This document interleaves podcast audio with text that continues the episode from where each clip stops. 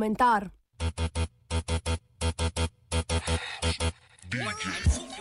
Kdo je ubil Marka Fischerja?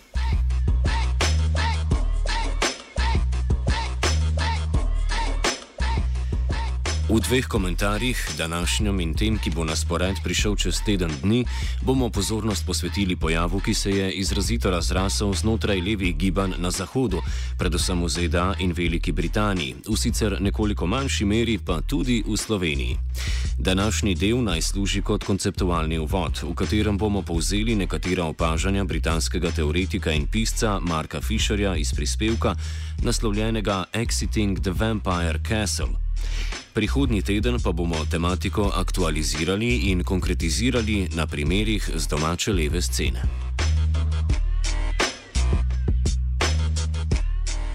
V eseju objavljenem novembra 2013 je Fischer poskusil odgovoriti na vprašanje, ki bi si ga moral zastaviti vsak minimalno reflektiran človek na levem polu političnega spektra. Kako smo se znašli na točki, ko je iz večine samooklicanega levega diskurza skoraj povsem izginilo prepraševanje razredne družbe, povsod pa je prisotno predvsem moraliziranje. Na točki, na kateri je dejanska solidarnost nemogoča, občutki strahu in krivde pa vse prisotni, ob tem, da slednji ne izvirajo iz napadov z desne, temveč iz levih gibanj samih.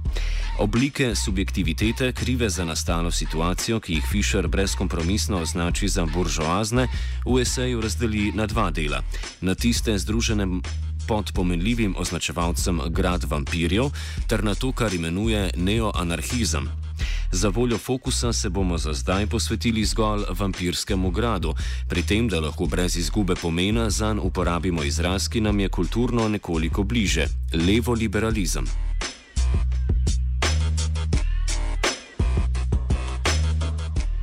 Levo liberalizem je osredotočen na širjenje občutka krivde, ženega svečenikovo poželenje po ekskomuniciranju in obsojanju, poželenje akademskega pedanta po tem, da ga vsi vidijo, ko prvi opazi napako, hipsterjevo poželenje po tem, da je eden od tistih, ki so in.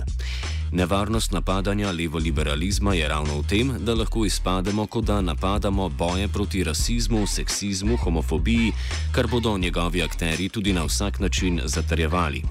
Toda levoliberalizem lahko prav nasprotno predstavi, da gre za edino legitimno obliko teh bojev, kar najbolje razumemo kot buržoazno-liberalno pervertiranje in apropriacijo energije levih gibanj.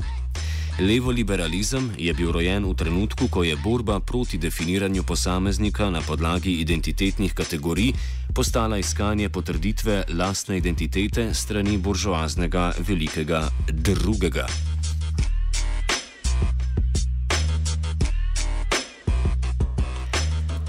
Fischer povdari, da privilegij, ki ga uživa kot bel moški, gotovo se stoji tudi iz tega, da ga nič posebno ne sili k temu, da bi se zavedal svoje etničnosti ali spola, ter da je občasno upozorilo na te slepe pege dobrodošla streznitev in razodetje.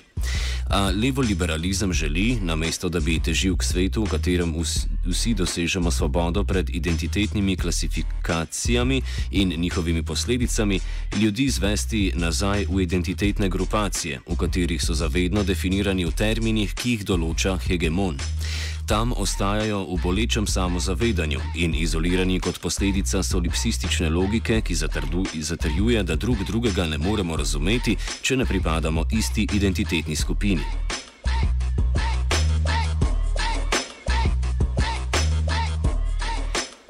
Prav tako izpostavi po njegovem videnju fascinanten, magičen mehanizem invertirane projekcije, po katerem je že sama omemba razrednosti avtomatično obravnavana, kot da želi prikazati etničnost ali spol kot manj pomembna.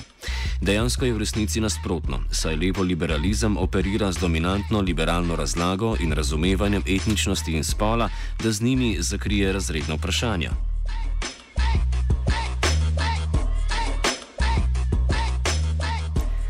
Logika slednjega izhaja iz izhodiščne dileme levoliberalizma: kako posedovati obsežno bogatstvo in moč, ter hkrati spasti kot žrtev, marginalno in odporniško. Odgovor na njo je že obstajal v obliki institucije krščanske cerkve. Lahko so se zatekli k vsem peklenskim strategijam, temačnim patologijam in psihološkim mučilnim napravam, ki jih je krščanstvo izumilo in jih je Niče opisal v genealogiji morale. To svečeništvo slabe vesti, to gnezdo hinavskih širiteljev krivde, je točno to, kar je Niče napovedal, ko je rekel, da je nekaj hujšega od krščanstva že na poti.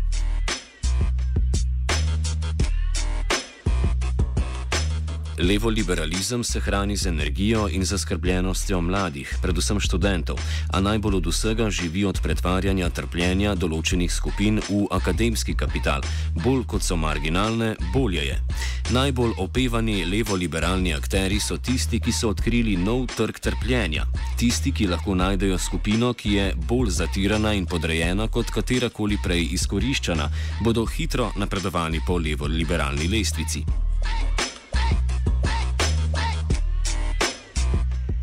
Fischer je karakteristike te oblike subjektivitete strnil v pet zakonov.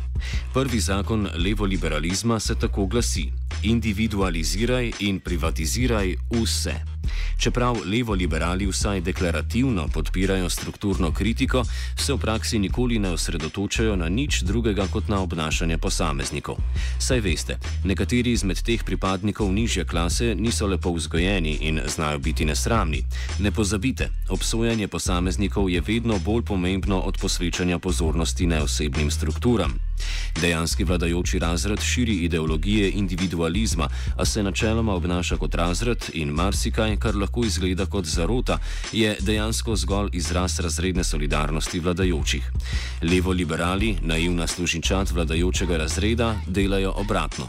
Polna usta imajo solidarnosti in kolektivnosti, ob tem pa se ustrajno obnašajo, kot da individualistične kategorije, usiljene strani hegemona, dejansko držijo. Ker so v svojem bistvu mala buržoazija, so levo-liberalci intenzivno tekmovalni, kar pa je zakrito pod plastmi pasivne agresivnosti, tipične za buržoazijo. Kar jih drži skupaj, ni solidarnost, ampak vzajemen strah. Strah, da bodo oni naslednji izobčeni.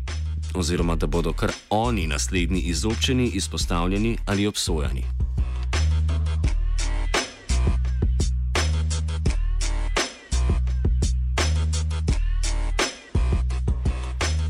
Drugi zakon levoliberalizma je: prikaži misel in dejavnost kot zelo, zelo zahtevno.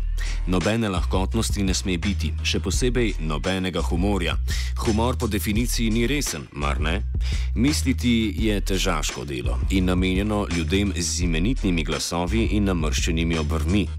Kjer obstaja samozavest, unesi skepticizem. Govori, da se ne sme prenagliti, da je treba o tem ali onem globlje premisliti. Zapomnite si, imeti prepričanja je zatiralno in lahko vodi do gulagov.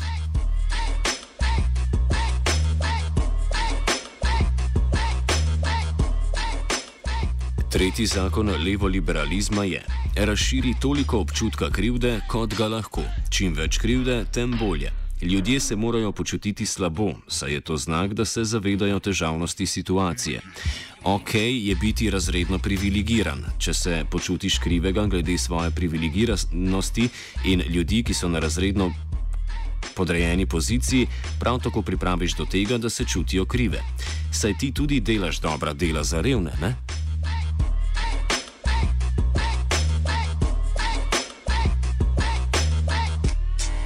Četrti zakon levoliberalizma je: esencializiraj.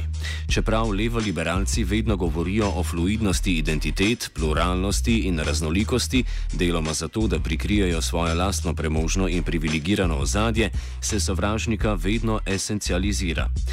Sledeč svečenikovemu poželenju po ekskomunikaciji in obsojanju mora obstajati močna distinkcija med dobrim in slabim, pri kateri je slednje esencializirano. Taktika je sledeča. Oseba X se je izrekla ali se je obnašala na specifičen način. Obnašanje ali izrečeno je bilo lahko razumljeno kot seksistično, transfobno ali kaj podobnega. Do te točke vse zdrži. A ključno je, kar sledi. Osebo X se na to definira kot seksista, transfoba in podobno. Celotno identiteto te osebe definira ena slabo premišljena opaska ali zdrs v obnašanju. Ko na to levo liberalci sprožijo svoj lov na čarovnico, žrtve, ki pogosto izhaja iz nižjega razreda in ni preučena pasivno-agresivnega kodeksa buržoazije, ni težko pripraviti do tega, da izgubi živce in s tem še dodatno potrdi pripisano vlogo zlikovca v najnovejši orgiji pravičnosti. Peti zakon levoliberalizma je: razmišljaj kot liberalec, ker tudi si liberalec. Glavna dejavnost njegovih akterjev, ki je podpihovanje ogorčenih odzivov, temelji na nenehnem izpostavljanju boleče očitnega. Kapital se obnaša kot kapital, ni zelo prijazen, represivni državni aparati so represivni, protestirati moramo.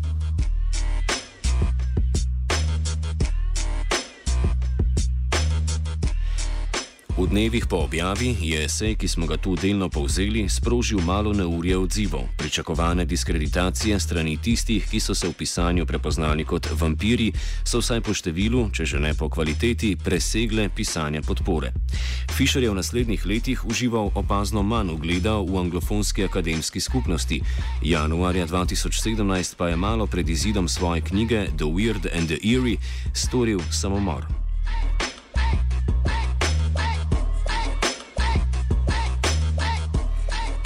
Pa odgovorimo še na provokacijo iz naslova. Glede na njegovo osebno dolgoletno bitko z depresijo in druge možne faktorje, bi bilo, kakor je v posvetilo ob njegovi smrti zapisal Ross Wolf, hudo domišljavo zaključiti, da je žalostno stanje levega diskurza in gibanj pripomoglo k njegovi poslednji odločitvi.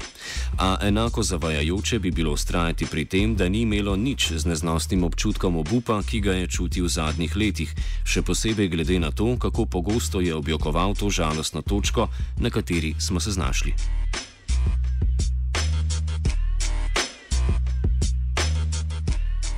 Nadaljevanje naslednji torek obljublja Vitežnik.